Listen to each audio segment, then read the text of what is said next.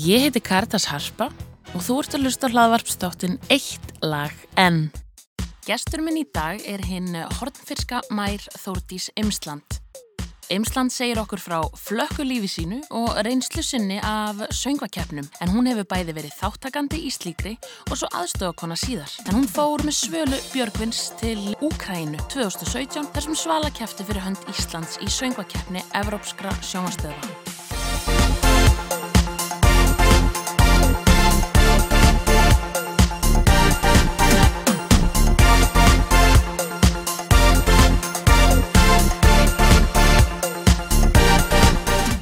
Lægið Nú og hér eða What are you waiting for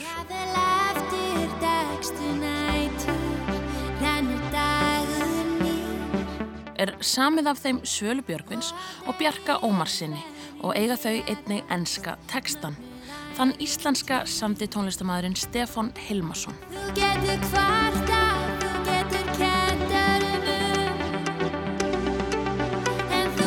Það má segja að Þórtís hafi fyrst vakið aðtegli með þáttöku sinni í The Voice Ísland en þar komst hún meðal annars til úrslita.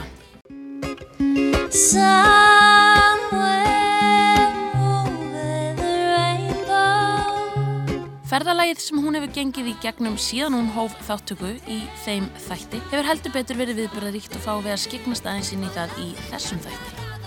Verður hjartanlega velkomin. Takk fyrir. Segðu mér og öðrum hlustendum, okkur öllum, segðu okkur Íslandingum, hver er Þórdís? Svona í stuttumáli. Stuttumáli, það er stórt er spurt. Eða langumáli, það er líka alltaf læg, það er engin tímapressa hér. Ég, na, ég heiti sérst Þórdís Simstand og er frá Hortnafyrði, 25 ára mær og er bara, já, voða lífsglöð og, og bara, já.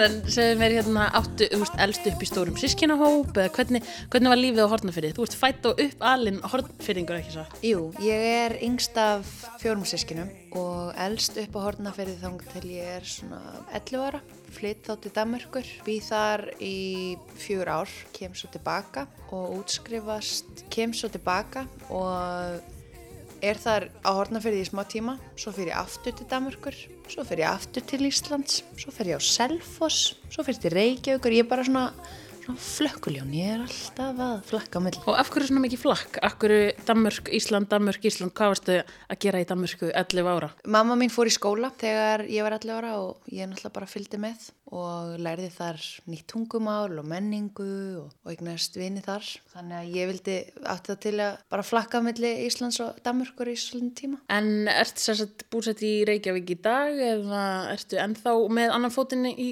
Hortnafyrði? Ég er búsett í Reykjavík í dag. Ég er að reyka gistingu á Hortnafyrði og þá þarf ég að koma svona af og til til að tjekka hvort það sé ekki allt í góðu. En þannig að þú hefur mörgum svona, já, skildum að gegna, sérstaklega bæði hér og, og, og fyrir austan. Hvað ertu svona að gera í Reykjavík? Hvað hefur verið að gera síðustu árin? Eða þú svona, hleypur okkur aðeins inn í lífið þitt? Ég er búinn að vera að bóka til dæmis tónlistamenn á viðbyrði gegnum Æslandsi. Það er ég allavega búin að vera að gera senustu mánuði og kom til Reykjavíkur til að taka þátt í The Voice á sínum tíma. Fyrir tveimur árum, ekki satt? Jú, fyrir tveimur árum og þá bara eiginlega, já, ég var eiginlega bara flutt í bæn þá og þá hugsaði ég líka, mann langar bara í bænum og, og halda áfram þaðan í tónlistina og búa til tónlist með mismunandi fólki. Ég, þetta er ekki fyrsta sinn sem að þú tekur þá þátt sem keppandi í söngvakeppnis svona ferli þó að þú hefur kannski ekki verið þáttakandi í söngvakeppnis sjóhansins eða söngvakeppninni áður. Þú að segja að það væri að nýtast þér í dag að hafa tekið þátt í þessu voisinu á sínum tíma? Já, þetta var ótrúlega reynsla að vera í svona þætti og að kynast öllu þessu fólki sem er í kringum þetta, sjá hvernig þetta virkar og bara að fá að vera á sviðinu að syngja. Bara, ég myndi segja að þetta verði eitt skemmtilegast sem ég gert. This I saw you, none of it me Put your hands on, on my body and told me mm, You told me you were ready for the big Og ert því spennt kannski fyrir því sem er komandi í þessu ferli? Já, mér finnst eiginlega að þetta er bara, já, ég er bara ógeðslega spennt fyrir þessu. Fyrst maður hefur gert þetta áður, þá, fyrst maður hefur gert þetta áður, bara er ég tilbúin fyrir söngakefninu. En þú kemur sér satt að söngakefninni fyrir tveimur árum líka og nema þá ertu ekki keppandi sjálf en þú kemur rosalega mikið að bæði undirbúning og ferð meðal annars út og svo les ef að þú myndir kannski segja okkur aðeins frá því. Já, í, eftir voiceið þá vil Svala fá mig með til Úgrænu til þess að vera svona hennar hægri hönd. Svala var sér satt, hún var já, þjálfarið þinn í The Voice. Já, og ég, við náðum svo vel saman og kom ekki hana til Greina en ég færi með til Úgrænu og því það er svo skemmtileg, sko. Þannig að, já, við sem sagt fórum til Úgrænu og ég sem sagt var bak úr tjöldin og ég fekk að sjá bara allt hvernig það virkar frá A til Ö, viðtöl og, og æfingarnar og, og bara allt. Maður heyrir þetta er að- rosalega þjætt dagskrá sem að eh, keppendur og, og, og þeir sem eru svona, jú, þeim næstir þurfa að gangi gegnum, það er næstu því bara planað klósetferðir, hefur maður heyrst. Já, það, þetta er rosa stíft prógram og svo var það líka mitt hlutverk að festa búningin við svölu með svona teipi og það var rosa vesen að koma þess á hana en þegar maður var búin að setja allt teipið á þá kannski var bara, ó nei, ég þarf að pissa þá þurfti maður að gera þetta aftur upp og nýtt og þetta tók alveg auka tíma sko. En þetta leit svona glæsilega út, en þetta til dæmis he- hefði ég ekki vitað nema út af þessu.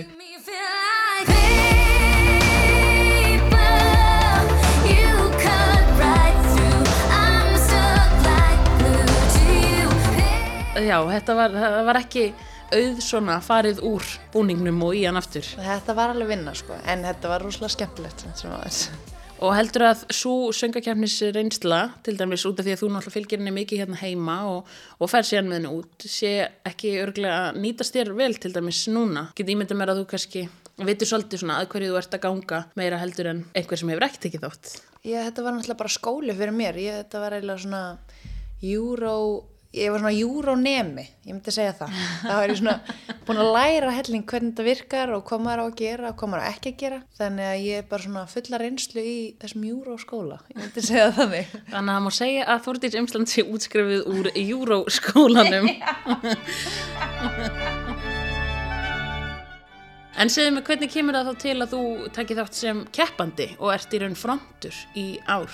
Svala ringi bara í mig og, og spyr hvort ég vil taka lagi sitt sem hún samdi með Bjarka Ómars. Og ég sagði náttúrulega bara já að sjálfsögðu því að er bara- búið að vera draumur síðan ég var krakki að taka þátt í þessu. Bara vera partur af öllum þessu flottum atriðum og já, svo hóst bara það ferli. Þannig ég gerir ráð fyrir því að þú sérst búin að vera að fylgjast með keppnin alveg síðan þú ert bara krakki. Já, en samt aðalega ef að það var eitthvað sem ég svona var hrifin af í tónlistinni og það, það ef sá tónlistamæður var, eða tónlistakona var að taka þátt, þá færst mér þetta ennþá skemmtilega. Og hver svona, áttu þér eitthvað svona fyrsta, fyrstu svona uh, alvöru sterka júró minningu svona síðan þú ert krakki? Svona fyrsta júraminningin var, já, fyrsta sterka minningi mín frá Eurovision er 1999, það er Selma fór út og ég og sýstum hún var alltaf að flauta lagið. Það var bara allan daginn, bara og mamma var hann geðveik á okkur. Og hún bara, sagði bara endalist við, neina, hætta þessu. Svo, svo í endan þá ákveði að taka seinasta blíst og hún bara, stelfur, hætta þessu. Það er svona því. En akkur myndið ekki bara syngja lagið, akkur er það blíst? Ég veit það ekki, en allavega ég man eftir hvað mamma var pyrruð þessna mann ég þetta Þannig að já, það er sannilega ekki svona uppáhald sennar júró minning í gegnum áriðin en, þetta er góð minning fyrir ykkur sýsturnar. heldur betur, ég held samt alveg hún að við haldið með Selmu að sjálfsögðu en það var kannski orðið of mikið flöt í gangi þannig það var aðeins svo mikið að svo flöyti. En hefur áttu þér þá, svona, fyrst þú hefur fylgst svolítið með keppninni, áttu þér eitthvað uppáhalds Eurovision lag bara úr svöngakeppninni líka erlendis, ekki endilega hérlendis, þú veist, er eitthvað svona sem hefur staðið sérsta glöpur? uppáðslægi mitt er Angel með Sýjöru frá 2005, Malta, mér finnst svo fallið texti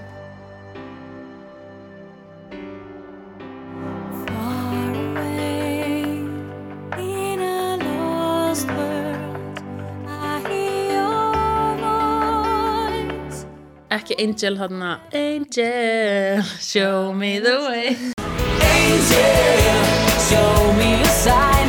Come shoot me with your arrow right through this heart of mine. Nei, kannski ég var yngri en þetta svona stendur upp upphaldum mitt. hvernig, hvernig ertu upplögð fyrir þáttöku þinni? Nú stígu þú á svið á stóra sviði í háskólabíó á laugardaginn.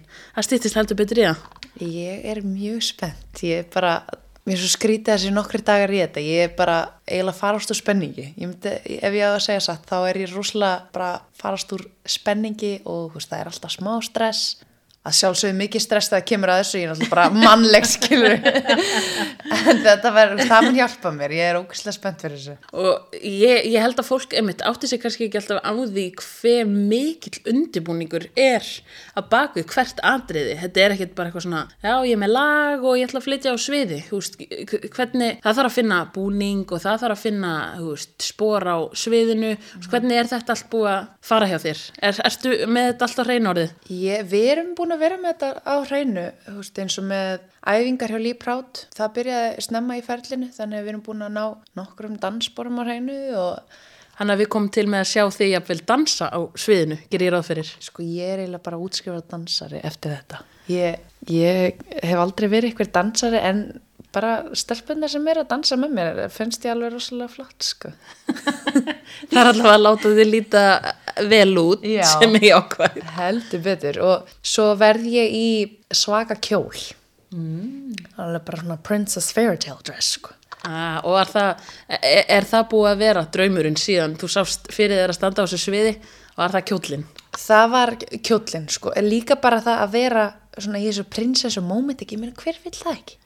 Og ég man, það var eitthvað viðtal tekið við mig þegar ég var svona fimm ára, þá var ég spurð, hvað viltu vera þegar þú svona stór? Og þá saði ég, prinsessa í Reykjavík.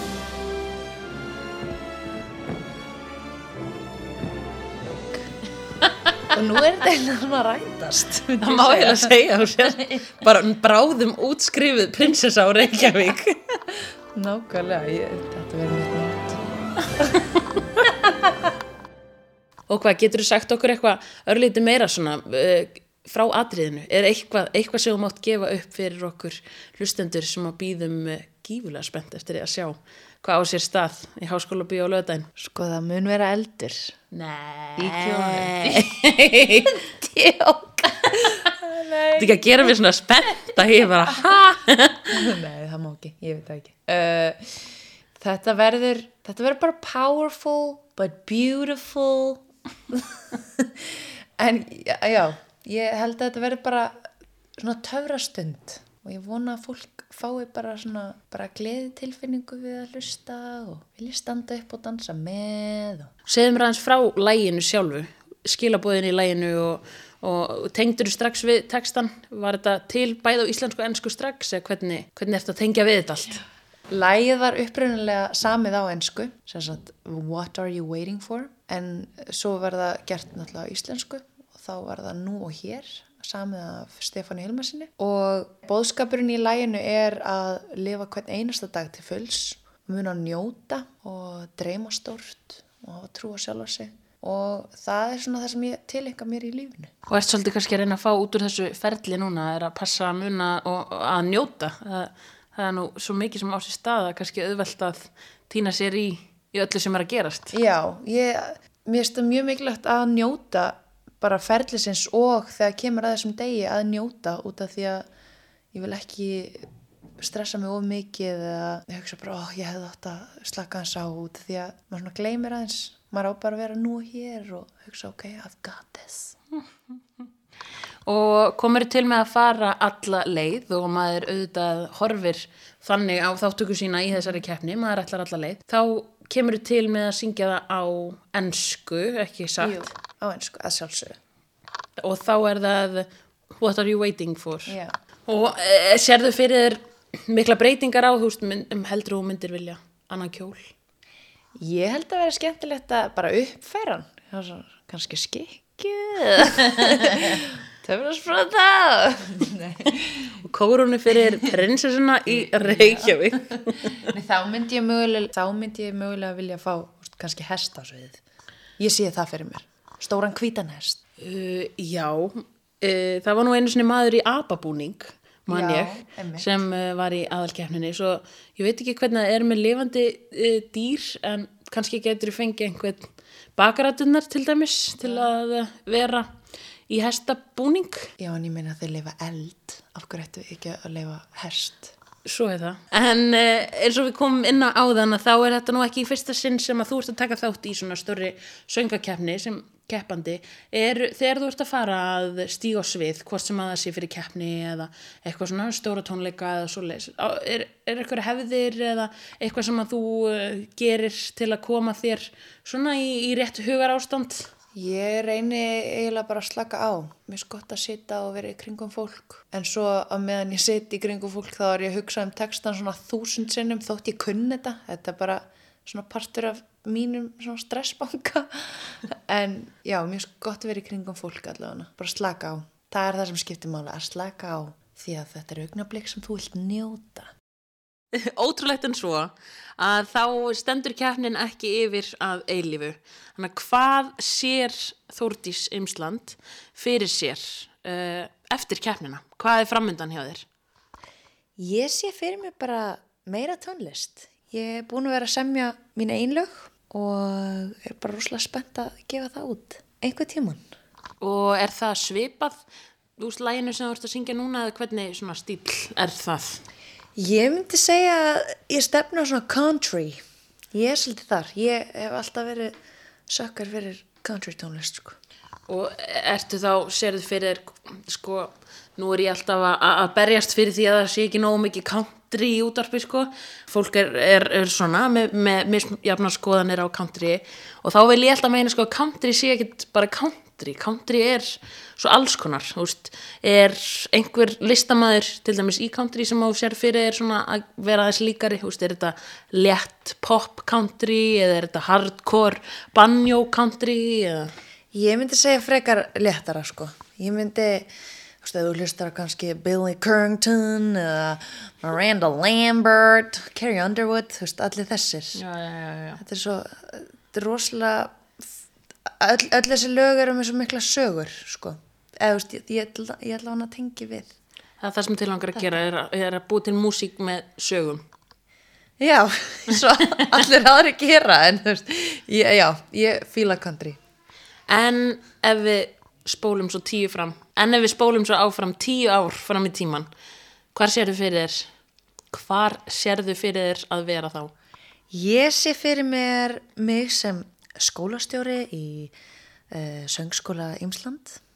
Ég, mér langar að vera söngkennari, menta mig í tónlist. Vil fara í CVT í Danmarku. Stefni eiginlega bara á það á þessu ári, sko. Mér langar að geta bara unni við tónlist, bara, bara það, sko. Þannig að líf þitt einke- einkennist mikið af tónlist og já, bara því sem því tengist. Já, mikið rétt, tengist rosa mikið tónlist. Þetta er bara það sem að mér, mér líður rosa vel í tónlistinni og gera tónlist, vera í kringum tónlistafólk. Það er svo skemmtilegt. en já, það er það sem ég stefna á. Að vera, læra tónlist, menta mig í tónlist og, og um, kenna öðrum það sem ég hef lært. Og svona, kannski rétt í lokin, er, er, er eitthvert sérstakt sem að þú leitar í innblástur, manneskja eða aðstæður eða hvernig, þetta getur verið svo alls konar. Þegar ég var að fara að stíga svið til dæmis í Voice þá talaði við okkur gísla og hún var rosalega og hún kom mér svona niður á jörðina og sagði mundu bara að þú elskar alla og allir elskar þig. Mér finnst það svo ein, eða, bara fallegt og mér finnst rosalega sniðut að hugsa svo leis. Því að þetta er líka bara, þú ert að gefa að þér og fólk gefur þér þá tilbaka. Þetta er bara, Einmitt, kannski svona viss mantra sem að þú hefur tamið þér að- segja og, og uh, það er vissulega hægt að leita mikils innblásturs í, í fólki og uh, ást sinni á því og ást þeirra á manni þannig að það er, ég held að, að, að ástin sé einhver sterkasti innblástur fólks einhvern veginn í tónlist og list svona í gegnum söguna finnst manni. nákvæmlega, þetta er bara kærleikur. Þetta bara snýst allt um kærleik, gott fólk. love. Er eitthvað að lokum sem að þú myndir vilja koma til hlustenduðina, áhorfanda, aðdáanda, eitthvað svona áður en þú stígur á svið? Ég er bara ótrúlega spennt fyrir þessum degi og þetta verður bara dagur fullir af skemmtilegheit og kærleik og, og ég vona að fólk finnir í það orku, áhærendur og þeir sem er í salnum og allir í teiminu bara. Þetta er það sem lífið snýst um. Og við endum það þannig með henni Þúrdísi Ymsland hér í hlaðvarpstættinum Eitt lag enn. Takk kærlega fyrir mig. Þá verður þátturinn ekki lengri að þessu sinni. Við höfum eftir að heyra í eða fjalla um tvo keppendur í þessari viku fyrir undan úrslitin sem eiga sér stað næstkomandi laugardag og eru það Hatari og Kristína Berendsen. Ég þakka ykkur fyrir að hlusta og uh, þar til næst.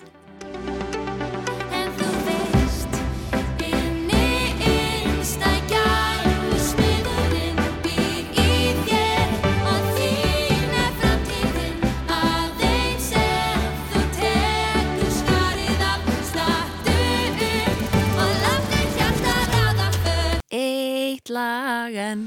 I've heard